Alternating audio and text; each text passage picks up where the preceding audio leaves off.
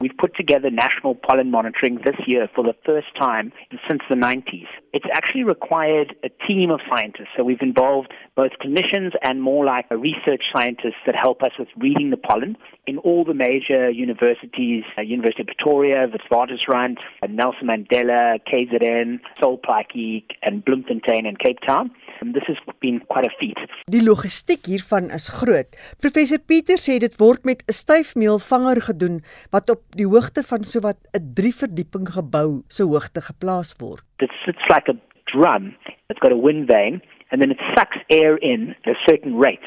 And this air flows over kind of another internal drum which almost has like a sticky tape and the pollen grains come in and then get stuck on the sticky tape. And this sticky tape slowly moves over the course of one week. That then allows us to take it out once a week, put it under a microscope. This is now when we need the expert human resources.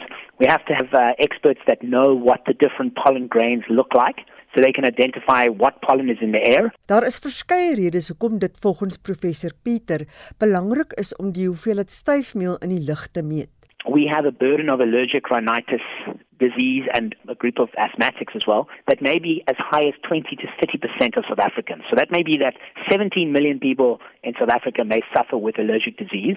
And a major contributor of that is related to pollen allergy. So there's a significant burden of disease.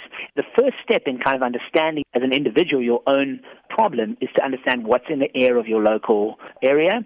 One of the reasons as well, we're trying to really bring this to the public through the radio messaging and through our website where we're posting the weekly count. Die inligting kan gebruik word in die behandeling van pasiënte. Die breër motivering is die skakeling tussen luggehalte en klimaatsverandering. There's a lot of data that's emerging largely from the northern hemisphere that suggests that global warming and rising CO2 is a major contributing to this greenhouse gas is leading to an increased level of pollen. And pollen seasons are getting longer. The total amount of biomass is getting more. We're also seeing allergenic plant species migrating into areas where they weren't previously found. And Unfortunately, in Europe, they've got some very robust modeling data because they've been monitoring pollen there for a long, long time. And they suggest that by 2050, pollen levels are going to be four times higher. Die vooruitskatting is dat meer mense aan allergieë gaan ly en dat die toestande waarskynlik baie erger gaan wees.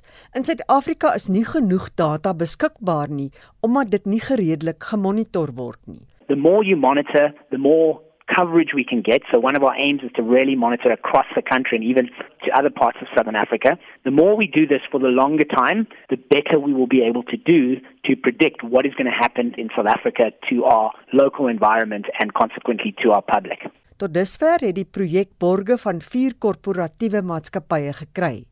Een styfmeelvanger kos heelwat geld. 150,000 rand a year for one trap. So at the moment we're running 7 cities. We want to get one in every province at least.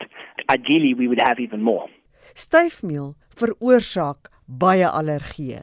Pollen sensitivity should we say is associated with two major conditions hay fever, allergic rhinitis, and it's probably, together with house dust mites, they're the biggest contribution. So that would be all of pollen, and obviously some people may be sensitive to trees, some to grasses, some to weeds, could be different, but as a group, pollen is highly associated with allergic rhinitis. And then what is more worrying is a group of allergic rhinitis sufferers also will have asthma. In 2016 is heelwat mense in Melbourne, Australië dood. They had something which was called thunderstorm asthma.